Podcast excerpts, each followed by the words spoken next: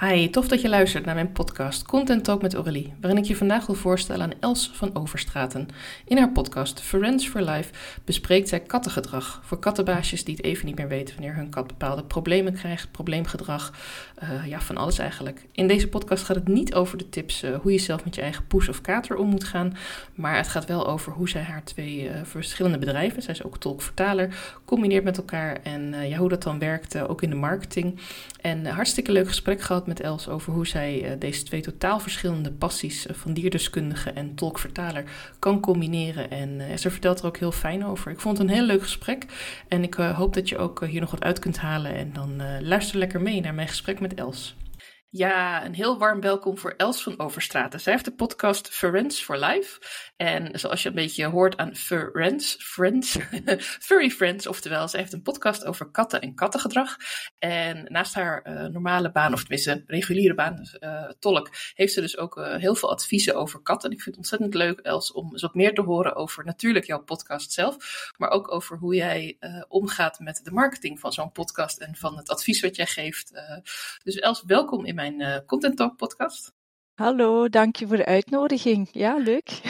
En mijn eerste vraag aan jou is: uh, jij geeft het advies voor kattenbaasjes en dat doe je in je podcast. Kun je daar wat meer over vertellen? Waar gaat jouw podcast over? Ja, wel, um, de podcast is heel ruim. Um, eigenlijk heel kort samengevat um, geef ik al het advies dat ik tien jaar geleden zelf had willen krijgen.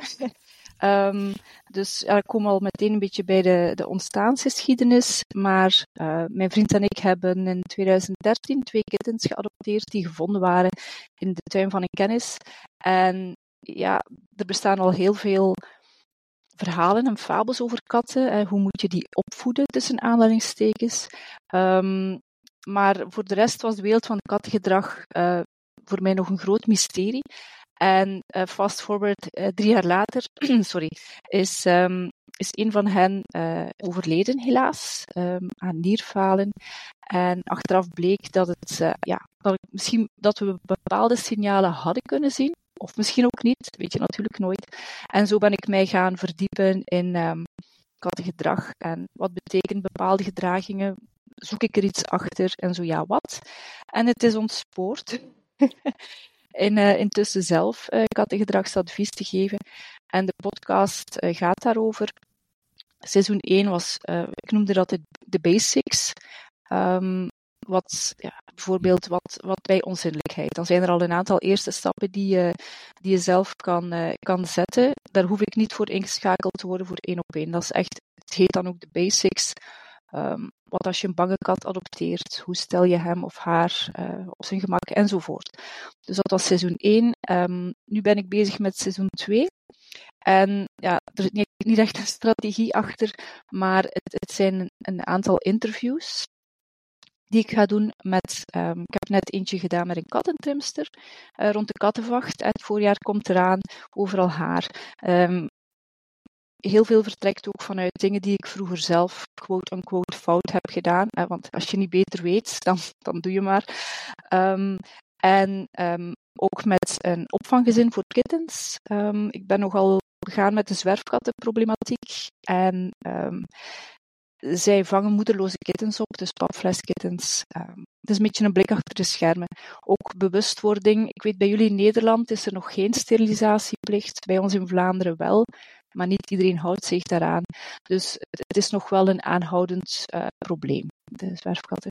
Dus ja, ik heb al een aantal ideeën voor de rest van dit seizoen. Ja, heel veel informatie. dus ik, ik heb nog wel inspiratie voor, uh, voor een heel lange tijd. Leuk, ja, ja. Ik heb zelf ook uh, nu voor de tweede keer een kat uit het asiel gehaald. Een paar jaar geleden ook. Maar die zijn toen ik ging scheiden met, met mijn ex-man mee verhuisd. En toen ben ik teruggegaan naar het asiel, heb ik nog een kat uit het asiel gehaald. Ook met de gedachte van ja, dat is iemand die heeft die kat achtergelaten en die heeft ook gewoon een huis nodig. En ik heb ook inderdaad ervaring met bange katten. Dus uh, ja, mooi om daarover ook meer te horen en meer te kunnen leren van jou. En uh, ja, de reden van jouw podcast, want je hebt het over de basis, en daar hebben ze jou niet bij nodig. Is het dan ook een beetje om mensen ja, hulp te geven zonder dat ze jou meteen moeten inschakelen? Kan ik het ja. zo zien? Ja, klopt. Uh, ik ben nogal van het preachende en teachende type. niet, iedereen, uh, niet iedereen vindt dat altijd even leuk. Dus voor mij is dat een uitlaatklep. En inderdaad, um, ik zeg het ook in de, in de intro. Ik vind voorkomen nog altijd beter dan genezen. Dus het hoeft uh, zeker niet uh, ja, ontsporen klinkt dan weer, maar het hoeft zeker niet heel erg te worden. Ik zit niet te wachten eigenlijk op één op één advies. Um, als ik er iets sneller bij kan zijn, dan graag. Dus, ja, dat snap uh, ik. En je één op één advies, wat houdt dat dan in? Want dat is een stapje verder, denk ik. Ja, ja. dan komen we richting uh, therapie. Dus um, de eerste stap, en dat geef ik misschien ook al meteen mee aan jouw luisteraars, als je kat zich anders gaat gedragen, is altijd de dierenarts. Um, kan heel vaak een medische oorzaak hebben. Mensen gaan soms al snel naar het volgende. Maar ze doet het omdat, ja, misschien heeft ze bijvoorbeeld plassen in huis, misschien heeft ze gewoon een blaasontsteking. Dus dat is ook mijn eerste advies, daar hoef ik zelfs geen geld voor te krijgen, ga naar de dierenarts.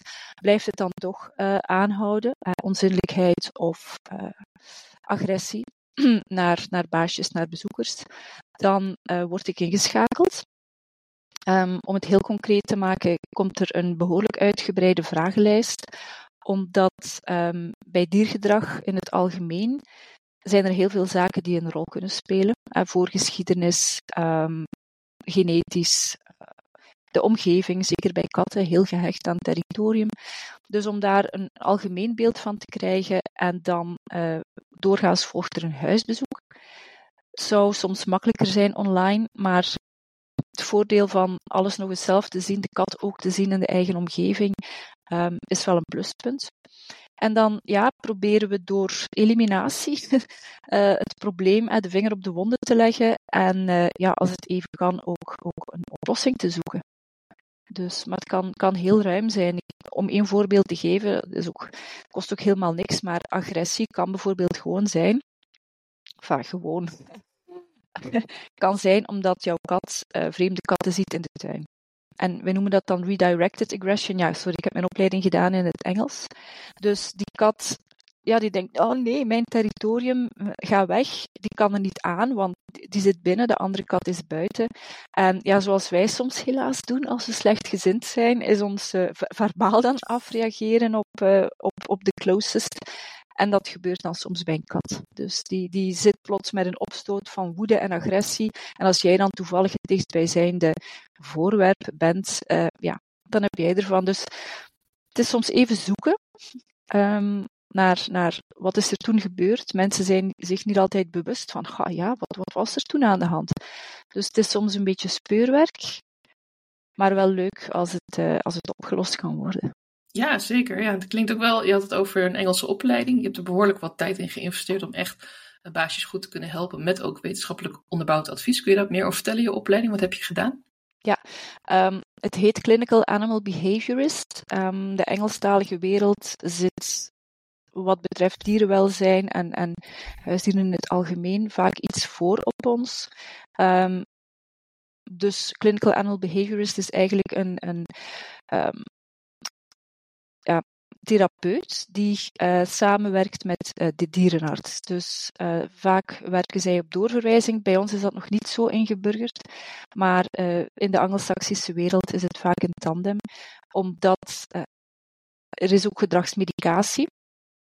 Wordt, mogen wij niet voorschrijven, dat moet door de dierenarts gebeuren, maar die kan wel helpen ter ondersteuning van bepaalde veranderingen.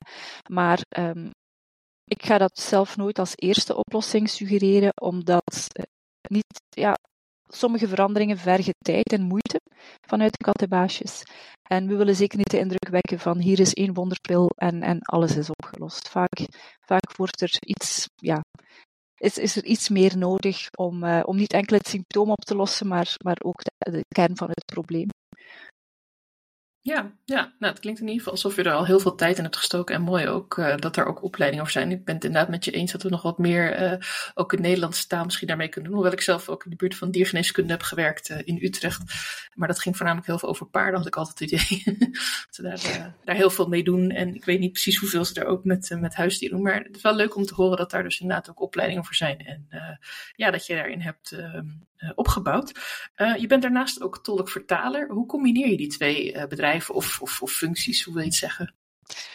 Wel, dit is een heel interessant jaar om die vraag te stellen, want uh, België is voorzitter van de Europese Raad op dit moment. Um, ik ben eigenlijk al heel lang tolk, uh, afgestudeerd in 1998 en sindsdien als freelancer actief. Um, vorige keer dat België voorzitter was, was in 2010 en dat was een bomwerk. En natuurlijk als freelancer neem je wat je kan krijgen. Het hoeft niet, maar ik doe dat dan wel. Um, dus ik had eigenlijk voorjaar 2023 al uh, heel lang staan als geen vakanties, plannen of uh, gewoon al het werk dat uh, binnenkomt. Want iedereen wil nu iets organiseren rond zijn of haar um, specialiteit. congressen, meetings, symposia. En ook al begrijpen heel veel mensen Engels, en misschien is het voor jullie in Nederland een, beetje raar om het zo te verwoorden, maar als er in Brussel bijvoorbeeld een evenement is met een Engelstalige spreker, um, ik wil zeker de Franstalige landgenoten niet, niet beledigen, maar soms hebben zij iets meer nood echt nog aan die vertolking. En dan kan je het politiek gezien niet maken om, om geen vertaling Nederlands te voorzien. Dus ook al luistert niemand naar ons, uh, we zijn wel altijd aanwezig. En um, dit jaar, dit voorjaar, um, heb ik gedacht, oké, ik ga inzetten op, op dat tolkwerk. Um, veel geld binnenharken om het om even. Ik tolk ook graag, hè, voor de duidelijkheid. Maar ik eh, ben intussen bezig met uh, de voorbereiding van een online cursus over seniorkatten. Om eventjes die maanden te overbruggen, omdat ik natuurlijk minder beschikbaar ga zijn voor één op één. Want als je vraagt hoe combineer je dat, ja, de podcast en zo, dat, dat, dat is niet gebonden aan tijd en plaats. Een één op één advies wel. En ik kan maar op één plaats tegelijk zijn. Dus dit, voorjaar wordt uh, bijzonder. En daarna, um, ja, het is plannen, maar dat denk ik voor, is voor iedere ondernemer zo. Het zijn allemaal klanten, sommige dan in een andere branche, maar je moet die klanten op, ja, in je agenda zien, zien in te plannen. Dus. Ja, mooi. Dat is ook wel interessant om te horen net hoe je twee totaal verschillende thema's toch naast elkaar uh, kunt draaien eigenlijk. Want loopt de marketing ook wel eens naar elkaar over? Ben ik dan eigenlijk benieuwd of, uh, dat je bijvoorbeeld, uh, ik weet niet, een Engelse flyer hebt over je podcast. Heb je overwogen om in het Engels te podcasten eigenlijk? Want ik begrijp dat de markt in Amerika veel groter is voor podcasts dan hier in Europa. Mm -hmm. Um, wel, ik heb eigenlijk nooit aan marketing gedaan uh, als tolk. Zoals ik zei, ik ben, ik ben al bijna 27 jaar actief. En vroeger stond ik wel in, in die gouden gids. Zo lang gaan al terug. Uh, maar sindsdien heb ik een netwerk. Ik, ik, ik zit als freelancer bij, um, in, de, in de digitale fichebak bij verschillende tolkenbureaus. Wij hebben ook collega's die naar elkaar, wij verwijzen naar elkaar door. Als we zelf niet beschikbaar zijn, dan uh, geven we elkaars naam wel eens door. Um, dus voor mij was de overgang van B2B naar B2C um, ehm, drie jaar geleden intussen um, ja, wel een aanpassing. Ik, ik had geen website, ik was niet actief op Instagram, dus ik heb alleen een bedrijfsaccount nu op Instagram. Dus het was, het was een leercurve, maar super interessant om te doen. dus ja, de website is, is de basis van alles.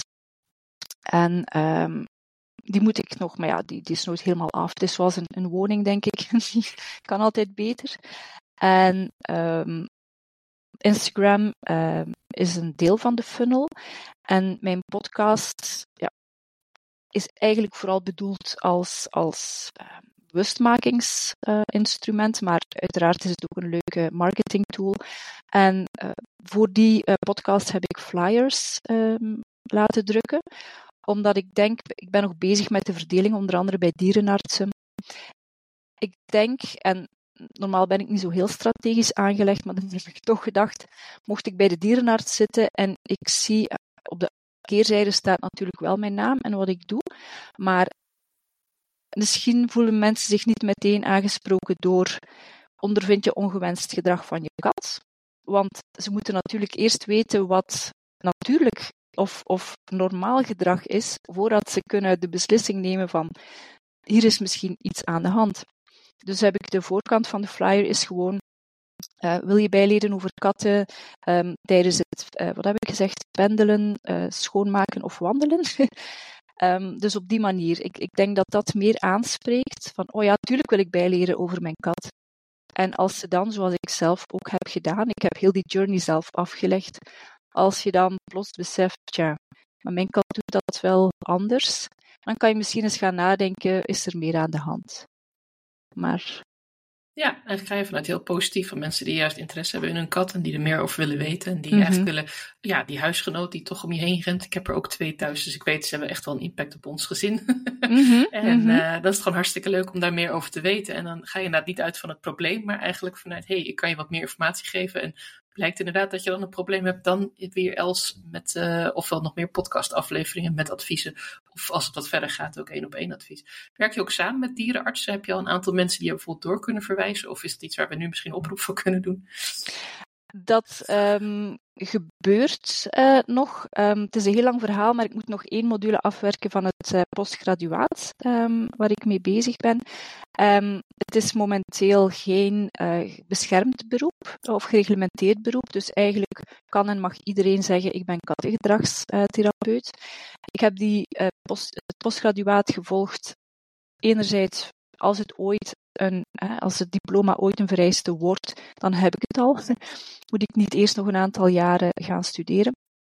Ehm, onze beroepsvereniging, de, in Vlaanderen hier, de Vereniging voor Diergedragsprofessionals, werkt ook enkel met mensen die eh, een opleiding hebben genoten.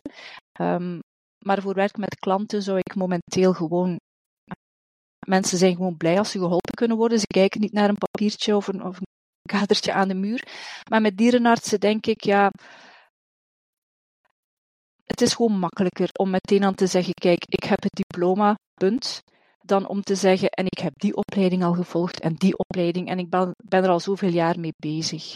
Ik denk, zij zijn ook wetenschappelijk uh, opgeleid, dat die paar woordjes dan veel meer deuren gaan openen. Maar natuurlijk, ik heb mijn flyer ook in hun wachtzaal, dan denk ik, als die dan natuurlijk zelf eens gaan luisteren en denken van, tja, die kent haar business wel, dan beginnen ze misschien door te verwijzen. Maar ik ben nog niet begonnen met een um, gerichte campagne uh, op dierenartsen. Maar dat is wel de bedoeling. Ja. Oké, okay, leuk, leuk om te horen. En ik blijf je ook graag daarin volgen, want ik vind het wel interessant te weten hoe dat dan gaat. Al ben ik het niet helemaal met je eens dat ik zou zelf wel uh, eerder voor iemand kiezen die een beetje professioneel overkomt. Dus het feit dat je de beroepsvereniging bent aangesloten, die alleen maar met uh, geschoolde uh, therapeuten werkt, dat zou voor mij wel belangrijk zijn. Ja, omdat ik ook niet zomaar advies van iedereen aan ga nemen om, om ja, het zijn toch een beetje mijn vriendjes in huis. Mm. en ze zijn niet hetzelfde als mijn kinderen, maar ze zijn wel belangrijk voor me. Dus ik zou niet zomaar van Jan en ja. Alleman dan advies willen aannemen. Dus ik denk dat het wel effect kan hebben ook hoor. Op je... Dat wel. Ik denk dat het ook um, afhangt van hoe wanhopig iemand is op dat moment. Want ja. um, ongewenst gedrag van een, van een huisdier kan behoorlijk grote impact hebben. En ik kan me voorstellen dat er, dat er mensen zijn die dan ja, de laatste strohalm. Maar inderdaad, um, iemand die nog niet zo ver uh, is, um, zelf ben ik ook zo. Want ik kreeg dan soms van, van andere ondernemers um, de vraag van uh, start before you're ready en, en perfectionisme en ga ervoor. En ik kende al heel veel van de zaken die, die in postgraduaat aan bod zijn gekomen, dankzij andere goede opleidingen. Maar inderdaad, zoals je zegt, sommige mensen ja, hebben gewoon meer vertrouwen. Uh, en oké, okay, die heeft dat diploma, dus die weet het wellicht wel. En dan hoef je geen uh, sales pitch of, of mensen te gaan overtuigen. Um. Nee, met je eigen expertrol heb je dan neergezet, onder andere met je diploma's. En vind ik ook wel, en dat denk ik dat de luisteraars daarmee eens kunnen zijn, met hoe je erover praat. Want je bent uh, kalm, maar tegelijkertijd ook enthousiast en heel duidelijk. Dus ik denk wel dat als we naar jouw podcast luisteren, ook wel kunnen horen dat jij echt een expert bent hierin.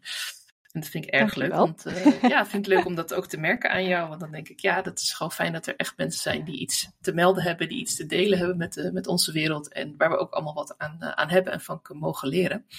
Els, als ik jou vraag, waar sta jij volgend jaar? Je hebt nu een heel druk jaar, geef je aan dat België nu. Mhm. Nou, nou, je hebt het net gezegd, sorry.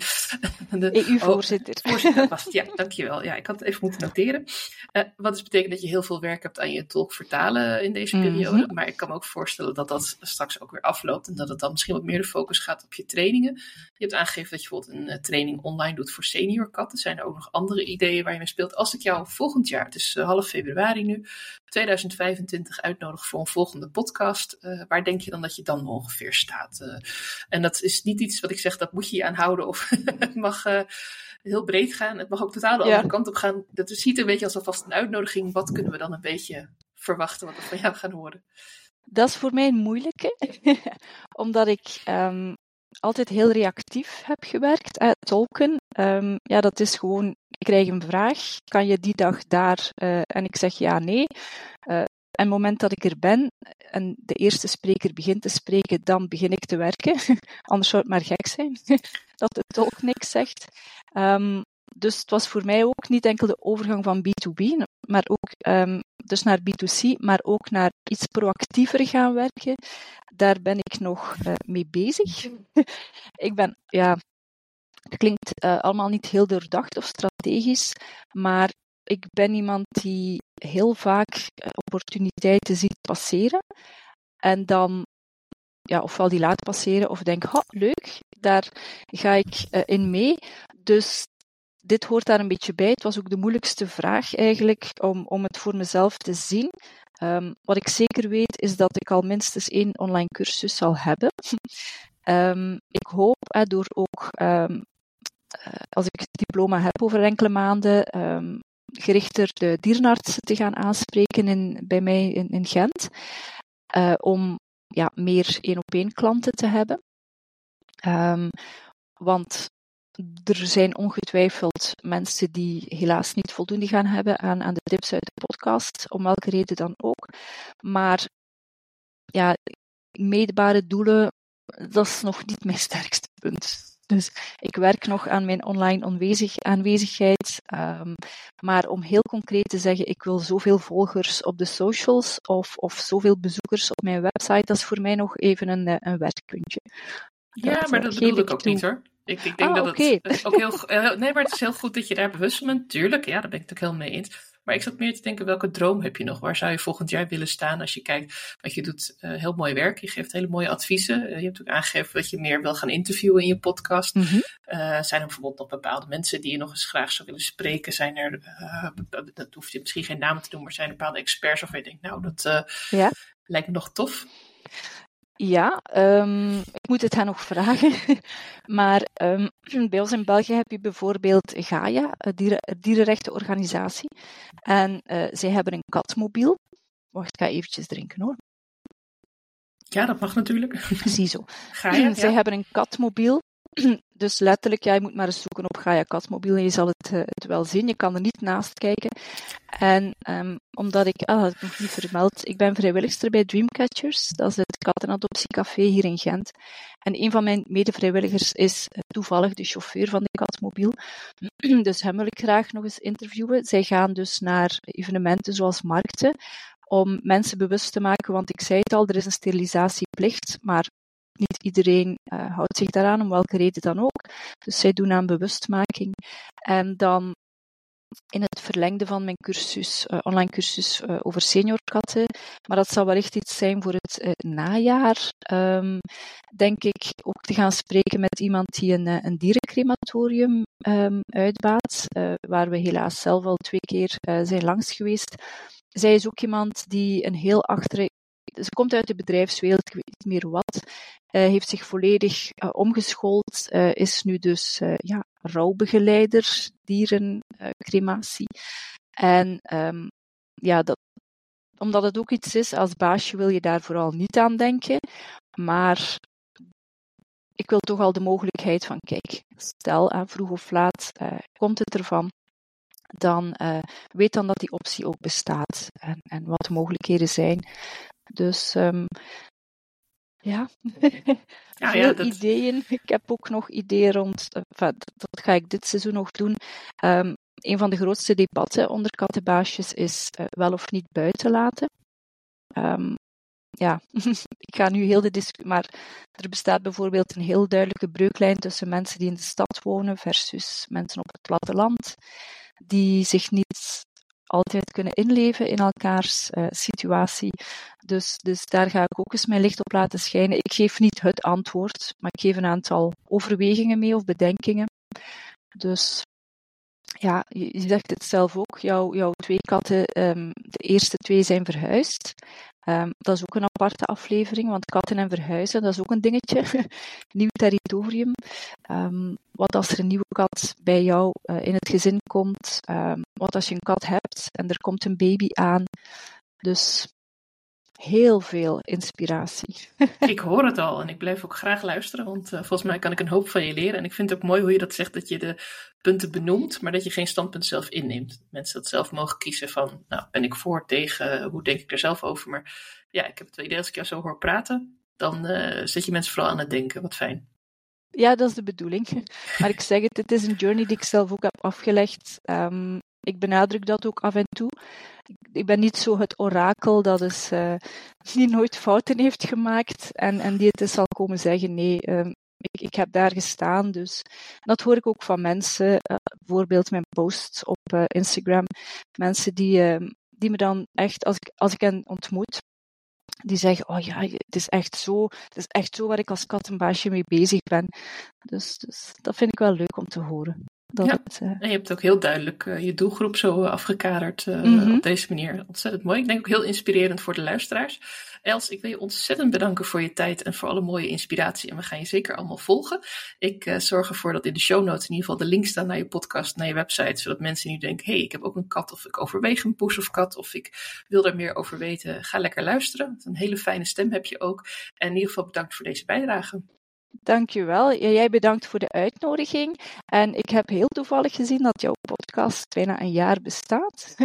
op het moment van opname. Dus alvast uh, gefeliciteerd daarmee. Hè. Dankjewel. Uh, keep ja. up the good work. Oh, ik, zou, ik zou het niet kunnen dagelijks. Uh, mijn, ja, ik ben te veel all over the place. Maar superleuk, echt waar. Ah, dankjewel. Dat vind ik hartstikke lief van je. En voor mijn luisteraars, morgen is er weer een podcast. En ik dank je wel en hele fijne dag nog.